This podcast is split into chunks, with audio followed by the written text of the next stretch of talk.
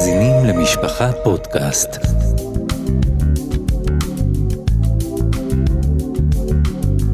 הכוח הפנימי, מדריך מעשי להתפתחות אישית עם הדוקטור עוז מרטין. שלום וברוכים הבאים לפודקאסט הכוח הפנימי, הפרק השביעי, כאן דוקטור עוז מרטין. לכל אדם יש משהו בחיים שלו שהוא יודע שהוא צריך שינוי. אבל למה זה כל כך קשה לעשות את השינוי הנדרש?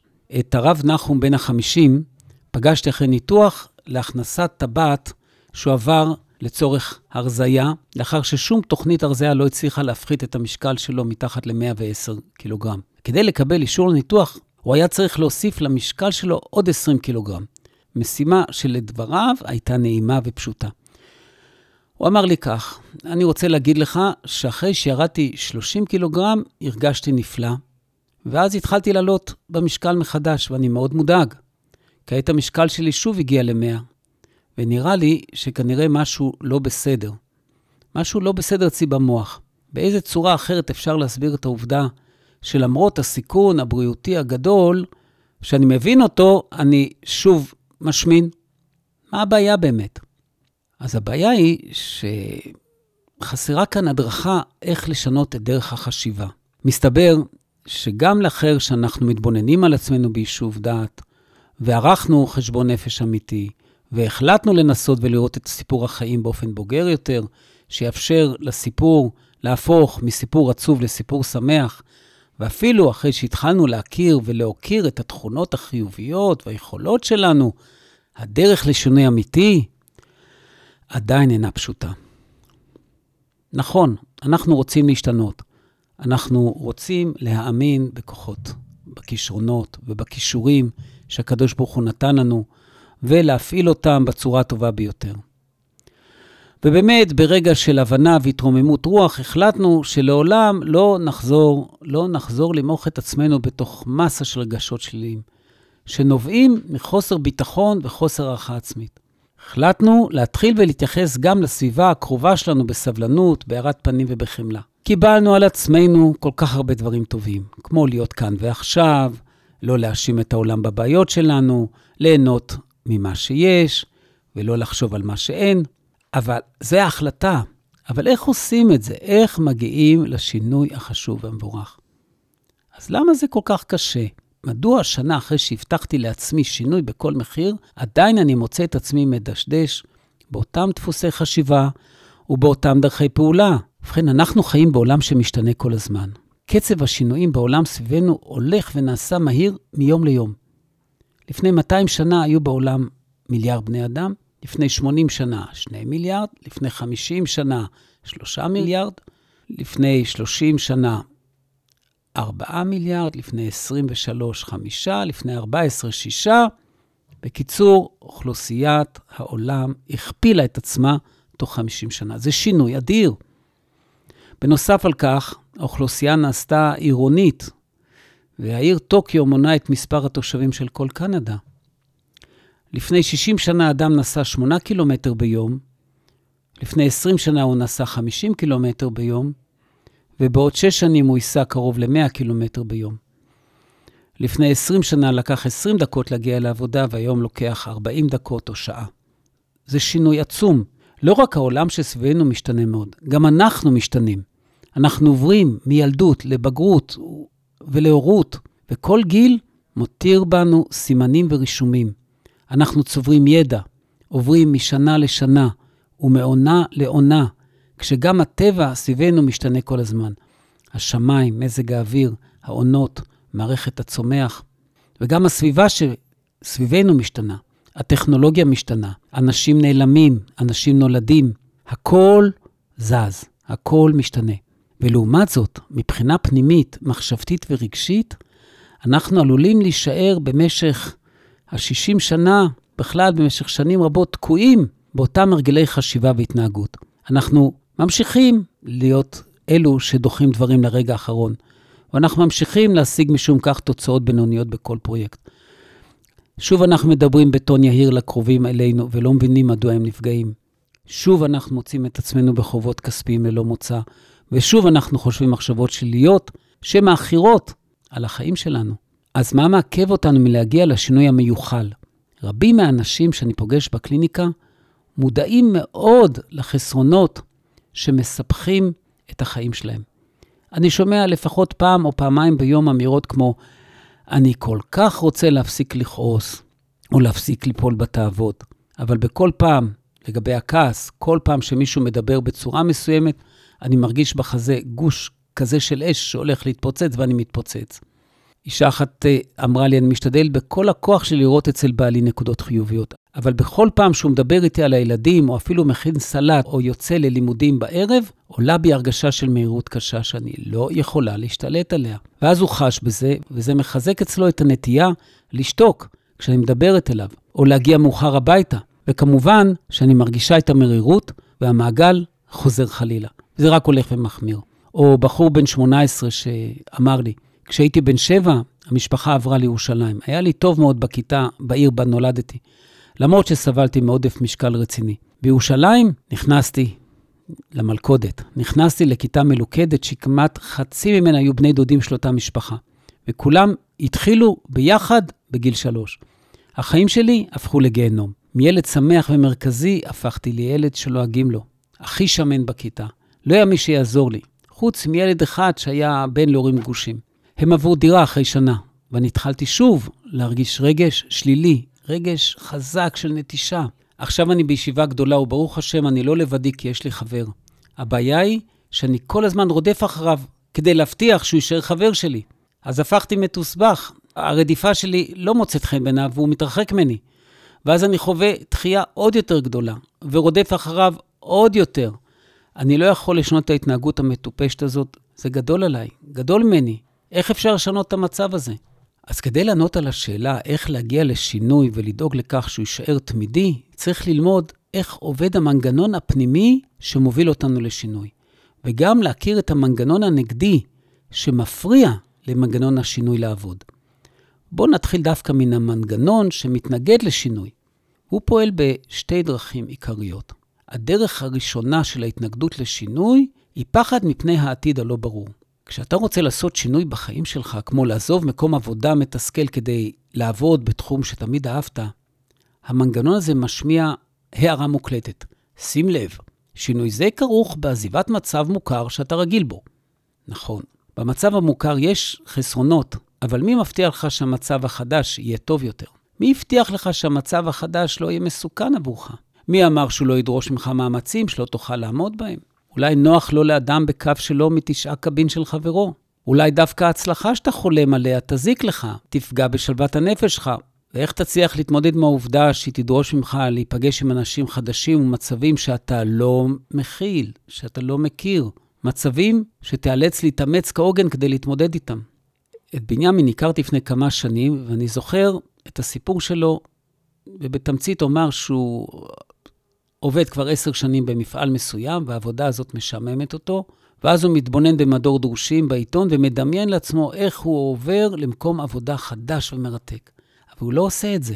הוא כבר כמה פעמים הוזמן לראיון קבלה לעבודה אחרת, אבל הוא בכלל לא הגיע לראיון.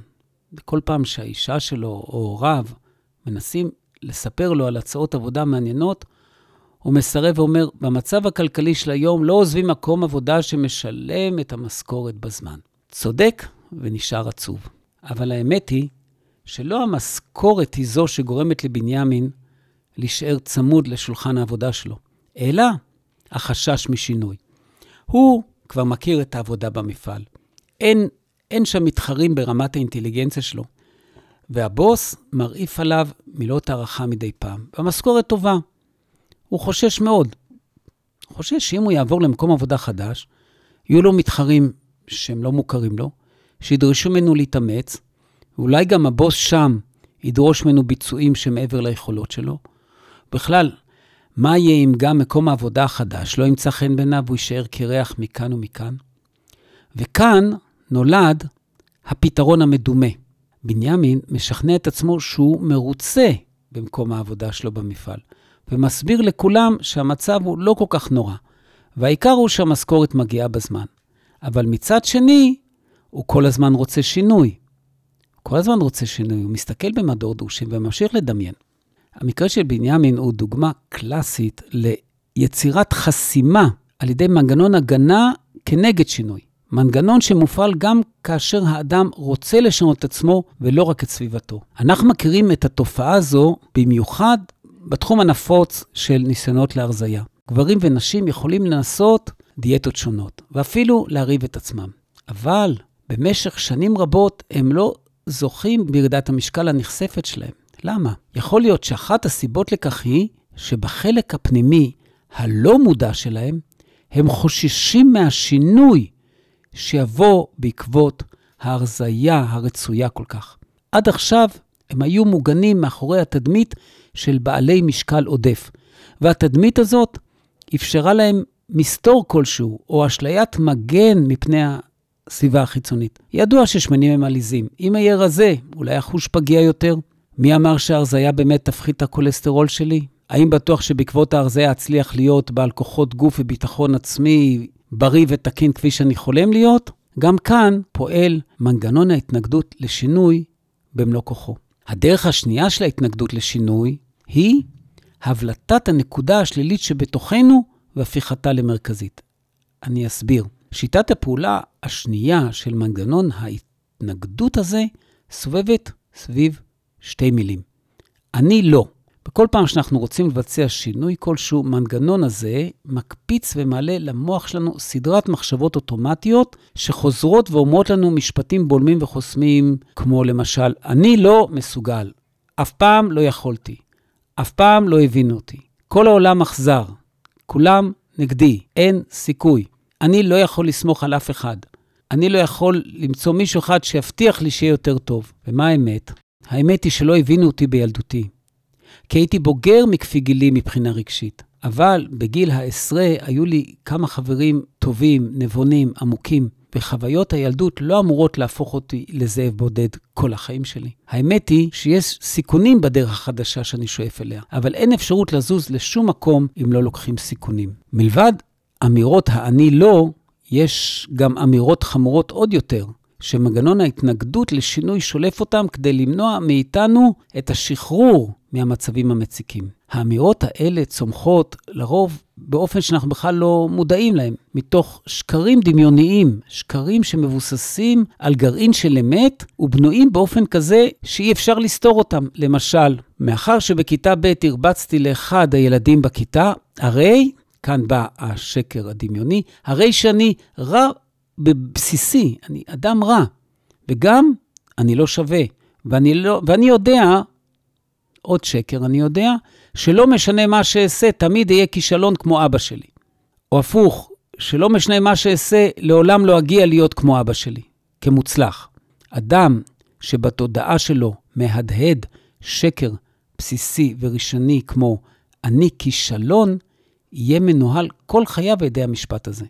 לפעמים זה משום שאותו אדם לא מסוגל בכלל להתמודד עם הכאב שגורם לו המשפט המחשיך הזה.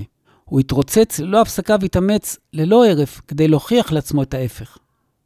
אדם כזה יכול להיות אחד שבחיים המעשיים הוא מצליחן גדול, מיליונר בעל עסקים משגשגים, רופא מוצלח, אופה מוכשר, אבל מאחר שכל האנרגיה שלו נובעת מבריחה מתדמית הכישלון שמפעפעת בתוכו, אין לו סיכוי להיות מרוצה ורגוע. עד שיבה וזקנה, הוא ימשיך להתאמץ ולהתרוצץ בניסיון להגיע לרף ההצלחה הבא. שם הוא מדמיין שהוא ירגיש סוף סוף שהוא לא כישלון כאביו, שהיה מהגר עני ולא יוצלח. אלא שגם כאשר הוא יגיע למדרגה הבאה של ההצלחה, אין לתחושה הפנימית של הכישלון הזה כל סיכוי להירגע. כעבור יום או יומיים, הוא ירגיש שוב חוסר מנוחה בתוכו וחוסר סיפוק. וכל זה יקרה עד שהוא יזהה שמה שמפריע לו להשתנות ולהירגע מהמרוץ הבלתי הגיוני שלו, הוא עצם החוויה הפנימית העמוקה, אך המוטעית של עצמו ככישלון. גברת בת 60, מורה מכובדת במקצועה ונשואה באושר כבר 35 שנה, הגיעה אליי, אבל בטלפון הבהירה לי שאין לה יותר כוח לסבול את העייפות שנמצאת בה כבר כמה חודשים, ושהיא עברה בדיקות מקיפות וגם סריקה ממוחשבת של המוח, וחיפוש כל מחלה קשה, והבדיקות מלמדות שאין, ברוך השם, שום מחלה. ואז הרופאים אמרו לה שמדובר על בעיה על רקע נפשי. ואז היא הגיעה, ובשיחה הראשונה היא סיפרה לי שהיא עובדת כמורה, למרות שהיא לא מסתדרת עם המנהלת בבית הספר שבו היא עובדת. וההתמודדות מול הבנות שוחקת אותה. היא הסבירה לי שחשוב לה מאוד להמשיך ללמד כדי להמשיך לאסוף את הנקודות הנדרשות לקבלת פנסיה מלאה. כשביררתי את מצבה הכלכלי, שמעתי כי לה ולבעלה ביחד יהיו בתקופת הפנסיה כ-25,000 או 28,000 שקל לחודש, וזה חוץ מזכויות שיש להם על קרקעות בארץ ובגרמניה. האם במצב הזה היא באמת צריכה לעבור סבל יומיומי כדי לזכות בעוד ארבע נקודות ולקבל 70% מהמשכורת האחרונה ולא 65% מהמשכורת האחרונה? היא אומרת לי, אתה יודע, אני לא מרגישה אף פעם ביטחון כלכלי, ואני לא מבינה למה. אז זהו, תחושת עוני, כמו תחושת כישלון, היא חוויה פנימית. חוויה שמקורה בתובנות מוטעות מהילדות. אם בשנות ילדותה של הגברת המורה, ניטעה בליבה הרגשה של חרדה קיומית בהיותה דור שני לשואה, החרדה הזאת תמשיך ותלווה אותה גם בבגרותה. גם אם הגברת תהיה מיליונרת, שכן, עובדות במציאות לא משפיעות על רגשות, ורק מאמץ מודע לשינוי, תוך התייחסות נכונה לרגשות שצפים בלי שליטה, עושה את העבודה. פשוט מאמץ מודע שכל פעם שיש רגש, של אין לי ביטחון כלכלי, מסתכלים פנימה ורואים שאני עם בעיה שקשורה לילדותי ולא עם מציאות אמיתית. חשבון הבנק מוכיח. אם נתבונן בדוגמה נוספת, הרי שאדם שהמשפט השקרי הבסיסי שמניע אותו הוא אין לי זכות קיום או לא מגיע לי להיות מאושר, הרי שאדם כזה יתקשה מאוד לשנות את סגנון אכילתו ולרדת במשקל.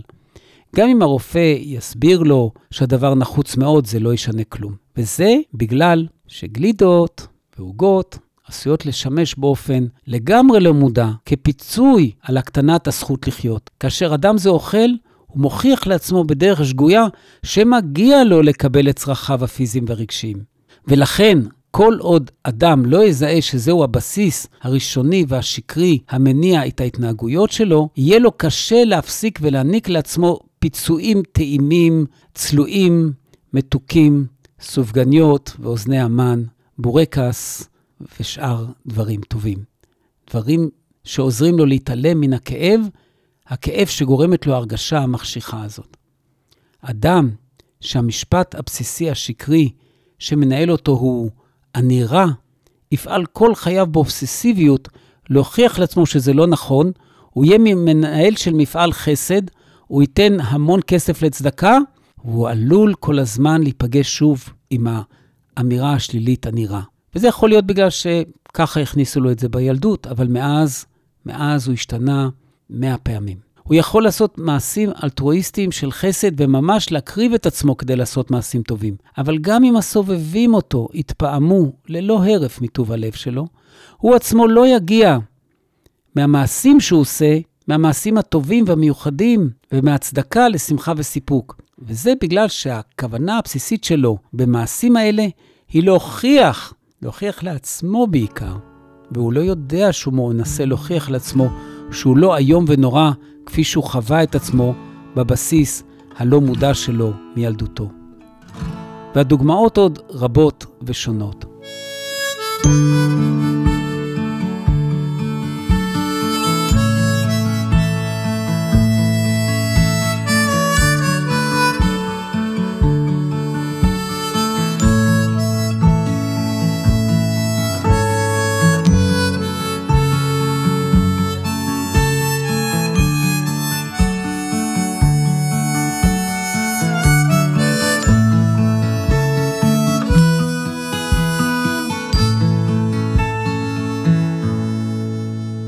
אם הזכרנו את סדרת המשפטים המקטינים הנפתחים במילים אני לא, יש מקום להוסיף שלפעמים, לעתים קרובות, תחושת הערך העצמי שלנו שקועה עמוק בתוך בוץ הכישלונות. כאשר אנחנו בוחרים להתמקד בכישלונות אובייקטיביים וסובייקטיביים כאחד, ולא בעובדות האחרות המעודדות יותר, אנחנו עשויים להגיע לתחושות קשות ונטולות ממשות עד כדי תחושה שאין סיבה לצאת מן המיטה בבוקר. כאשר אנחנו מבינים כי בעצם העובדה שנבראנו, כאשר אנחנו מבינים כי בעצם העובדה שנבראנו, העניק לנו בורא עולם את הרשות לחיות, אנחנו גם קולטים שהכישלונות שלנו או ההצלחות שלנו אינן הסיבות לקיומנו בעולם, הם רק כלים.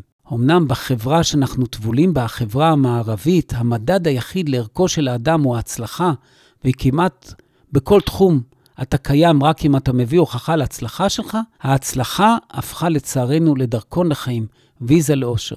וזו טעות, כי למעשה, אדם הבריא בנפשו יודע כי הזכות לחיות אינה תלויה בהישגים או באישורים, אלא בהכרה בקיומה של הנשמה, שהיא המהות שלו. אני קיים כי יש בי נשמה נצחית, יהלום, שאינו זקוק לאישור מאף אחד. אגב, לבנימין, שלא מעז לצאת לדרך ולחפש מקום עבודה חדש, הצעתי כלי יעיל, פשוט, לערוך במוחו השוואה בין תהליך החיפוש אחר מקום עבודה חדש ומעניין לחיפוש אחר, למשל, אוצר המלך שטבע בים. ישבנו ביחד ובנינו תרחיש דמיוני שכולל את כל השלבים שנדרשים לצורך שליית האוצר מקרקעית הים. עד שלבסוף תיבה גדולה וקדושת אוצרות נחל החוף הצהוב, ממתינה לבנימין שיגש ויקח אותה. תמונה זו, שאותה הוא יצר בעצמו, אפשרה לבנימין לפנות למקום עבודה מתאים, להתראיין ולהתקבל למקום העבודה. וזה עם משכורת גבוהה פי אחד וחצי מן המשכורת שהוא קיבל במקום העבודה הקודם. ולסיום, למעשה כפי שנוכח בסופו של דבר, בנימין, לא הייתה לו סיבה לחשוש כל כך מן השינוי במקום העבודה. וגם כאשר אנחנו מביטים לאחור על ההחלטות השונות שעשינו בחיים שלנו, אנחנו מגלים שהפחדים שלנו היו מוגזמים ובלתי הגיוניים. ולא רק זאת, אלא גם שרוב הדברים מהם אנחנו חוששים לא מתקיימים לעולם, ברוך השם. פעמים רבות אנחנו מביטים על העבר שלנו, ואנחנו יכולים להבחין, אם רק נתיישב ונסתכל, נוכל להבחין איך מחשבות שליליות ומוטעות מנעו מאיתנו להגיע להישגים אלינו שאפנו. אז אם ככה, הרי יוצא שחשוב וכדאי ונכון וראוי לעבוד כעת על המחשבות השליליות האלה. ובצורה כזאת נוכל למנוע מעצמנו לחוות גם בעתיד מעצורים, ונוכל למנוע מעצמנו לחוות גם בעתיד מעצורים, הפסדים וחוסר יכולת לשנות את חיינו כרצוננו. להתראות בפרק הבא, שגם הוא יעסוק בשינוי. אתם מאזינים למשפחה פודקאסט.